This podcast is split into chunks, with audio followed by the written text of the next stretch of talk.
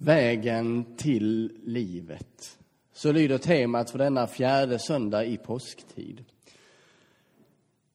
Jag kommer genast att tänka på orden från Johannes 14 kapitel där Jesus säger Jag är vägen, sanningen och livet. Han skulle lika gärna kunna ha sagt Jag är vägen, sanningen till livet. På sätt och vis så är det kanske samma sak, men ändå inte. Jag tror dock att båda uttrycken kan stämma in på Jesus. Han är i sig själv både vägen till livet och livet själv. För tre år sedan så var det också den fjärde söndagen i påsktid. Och det var en väldigt speciell söndag. Det var den här texten, jag stod här och predikade. Jag läste igenom den predikan nu i veckan för att se vad var det jag sa om den här texten för tre år sedan. Och då såg jag att det var nog en av de mer minnesvärda predikningar jag har hållit och en av de mer minnesvärda gudstjänsterna jag har varit med om. Hela gudstjänsten var väldigt speciell. En kompis från Stockholm som eh, brukar lyssna på mina predikningar i efterhand hörde av sig och sa att den där predikan, den fullkomligt osade Jesus, sa han. Kanske en av de finare komplimangerna jag har fått kring en predikan.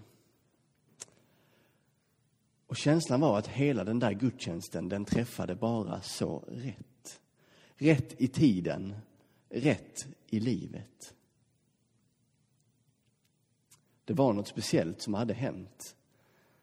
En av våra vänner hade jag fått vara med och hjälpa i en rättssal, i en domstolsförhandling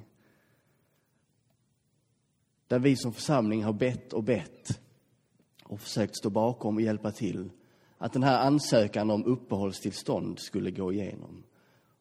Att den skulle bli prövad rättvist i den här rättssalen. Och det hade varit mycket kamp med avslag på avslag. Men det hände någonting där i den rättssalen. Det som hände var att Jesus manifesterades i form av en nämndeman som hade bestämt sig att bära en frälsarkrans tydligt runt handleden till stöd för vår sak. Anonymt, nästan osynligt. En symbol som bara jag då uppfattade. Som gemenskap och som församling så var vi starkt berörda av den här händelsen. Och den upplevelsen bars jag av i predikan.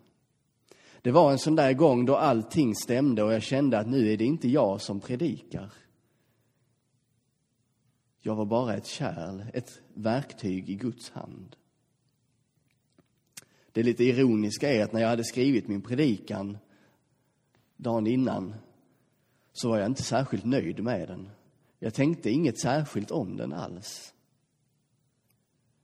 Men i mötet med er, med församlingen och den heliga ande som var med i rummet så skedde någonting. Någonting som vi kan läsa om i Bibeln. Där två eller tre är samlade är jag mitt ibland dem. Så vad handlade då predikan om? Jo, den handlade om att se Jesus, att se Jesus i vår vardag, i vår nästa och även att låta Jesus bli synlig i oss själva, för andra och för varandra.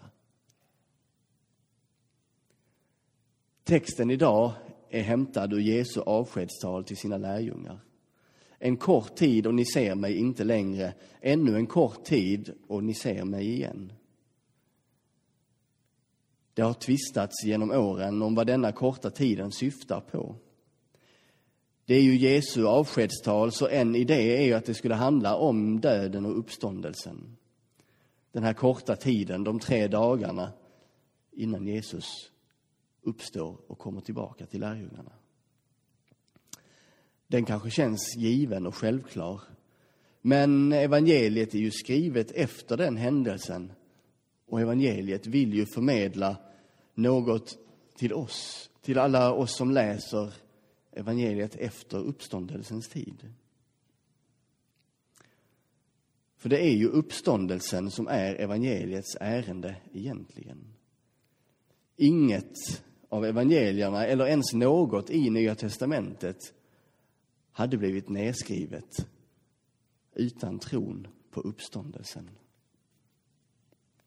Men en annan tanke är att det handlar om tiden mellan uppståndelsedagen och pingstdagen och att Jesu återkomst manifesteras i den heliga Ande. Och det är då som uppståndelsen får sin verkliga kraft i de apostlagärningar som evangelisten Lukas beskriver i sin andra bok med samma namn, Apostlagärningarna. Det tredje alternativet är att det skulle handla om tiden fram till Jesus sista återkomst.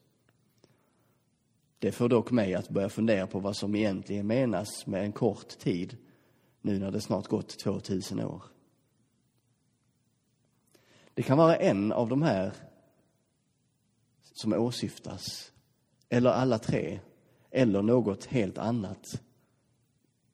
Det spelar egentligen inte så stor roll.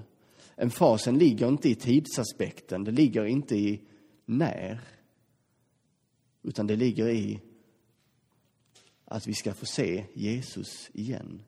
Och det ska ge oss glädje. Det jag har sagt allra mest i predikan, tror jag, det senaste året är att det är en prövande tid vi lever i. Kanske är det det som de flesta pastorer har predikat om det senaste året. Att det är en prövande tid, för visst är det väl så. Det har varit en prövande tid för oss inte minst som församling och som gemenskap. Våra gemenskaper har prövats eftersom vi inte har fått leva i dem. Vi har inte fått nära dem och vårda dem på samma sätt. För vad är en församling utan att församlas? Utan att få mötas och möta nya människor? Om nu Jesus är mitt ibland oss när vi är samlade, vad är han då när vi inte är samlade? När vi inte får vara församlade?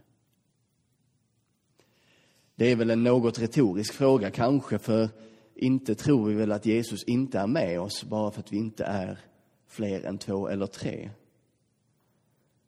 Men det får mig ändå att börja fundera på det här med relationen till Jesus, relationen med Gud. Både min egen, vår enskilda, men kanske ännu mer som gemenskap. Den här upplevelsen i rättssalen med kvinnan iklädd den här frälsarkransen. Det var en väldigt stark upplevelse för mig. Den stärkte min tro. Den gav mig ett vittnesbörd som jag har delat med många av er och vid många fler tillfällen. Den var för mig ett, en underberättelse, ett mirakel. Och det gick vägen. Vi fick rätt i vår sak. Men det slog mig nu när jag jobbade med denna predikan att jag inte har tänkt på den händelsen på ett tag. Ja, på ganska länge. Kanske är det nästan ett år sedan jag tänkte på den sist. Och jag ska erkänna att det här senaste året har varit prövande. Det har varit prövande för min tro på många sätt. Det har varit prövande för min relation med Jesus. Och jag insåg att ingen händelse, inget under i världen kan ge mig det jag behöver ha för att ha en levande relation och en levande tro på Jesus Kristus. För hur häftiga de här händelserna och underna än kan vara och hur starka upplevelserna än kan vara så falnar känslan. Det förvandlas till ett minne som visserligen kan vara kärt och kan plockas fram och ge viss kraft. Men den kan aldrig ge samma kraft igen som just där och då, när det hände. Vi kan inte ge den kraften som krävs för att bibehålla en levande relation med Gud. Åtminstone inte på det sätt som jag önskar att den skulle vara för mig. Så det leder mig in på en fråga som jag vill ställa till dig, som jag vill ställa till mig själv också. Som vi kanske bör ställa oss lite oftare. När jobbade du på din relation med Gud senast? När jobbade du på din relation med Jesus senast? I en kärleksrelation så kommer ju oftast förälskelsen först. Vi kan kalla den känslan samma känsla som när vi är med om ett under eller något häftigt. Det är en stark och häftig känsla. Men när den känslan falnar, förälskelsen går ner, så behöver vi ju jobba på våra relationer om de ska hålla, om de ska vara livslånga. Det räcker inte med förälskelsen och det där rosa fluffmolnet som vi svävar på i början. Det kräver arbete, tålamod, uthållighet och ibland rätt mycket vilja. Det är egentligen inte särskilt annorlunda med relationen till Gud, med relationen till Jesus. Det är ju också en slags kärleksrelation och den kräver också arbete, den kräver också tålamod, uthållighet och ibland rätt mycket vilja. Det är som en av mina favoritberättelser i Bibeln när Petrus ska kliva ur båten för att gå fram till Jesus på vattnet. Han ser Jesus framför sig gående, han är mitt i undret. Det är ju inte direkt med en stark tro som han går och kliver ur båten. Uppenbarligen inte eftersom han sjunker nästan med en gång. När han kliver ur båten på ren vilja han vill att det ska bära, han vill att det ska funka. Han vill kunna gå fram till Jesus där på vattnet.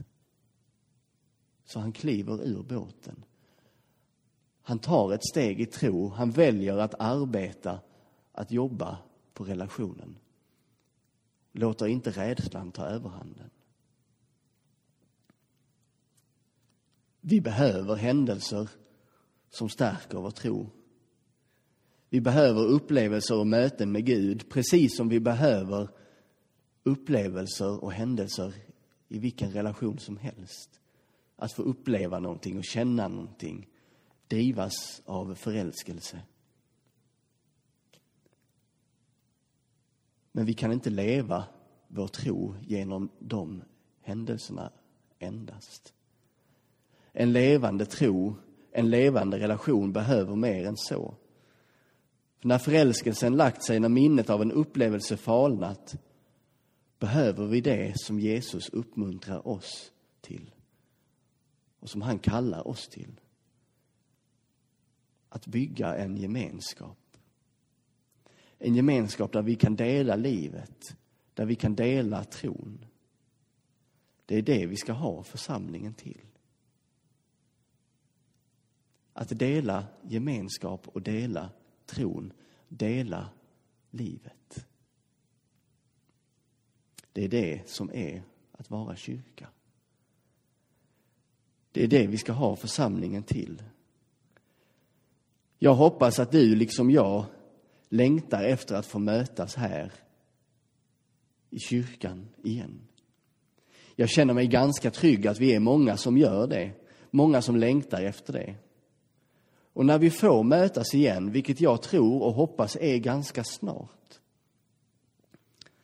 så är min längtan att vi gör det som mer än bara goda vänner som får mötas igen. Om vi än så längtar efter att krama våra vänner, det gör vi och det ser vi fram emot och det får vara fantastiskt. Men jag hoppas att vi längtar efter mer än så. Jag hoppas att vi möts i sökandet efter den gemenskap som kan förvandla dig, som kan förvandla mig och som kan förvandla världen. Gemenskapen som lever i tro på att Guds kärlek faktiskt kan göra just det, förvandla dig och mig och världen.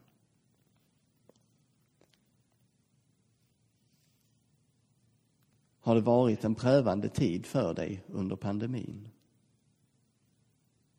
Det har det varit för mig. Kanske har det varit en prövande tid för din tro längre än så. Men jag vill välkomna dig tillbaka till gemenskapen igen.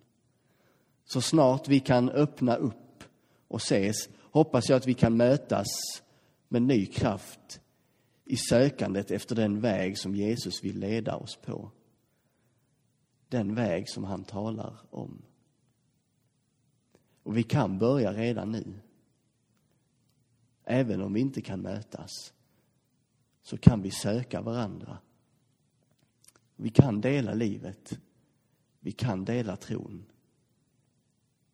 Vi kan bygga gemenskap med varandra. För att tillsammans få gå på den väg som Ingrid sjöng om. Livets väg. Tillsammans med honom, Jesus, som är vägen till livet. Amen.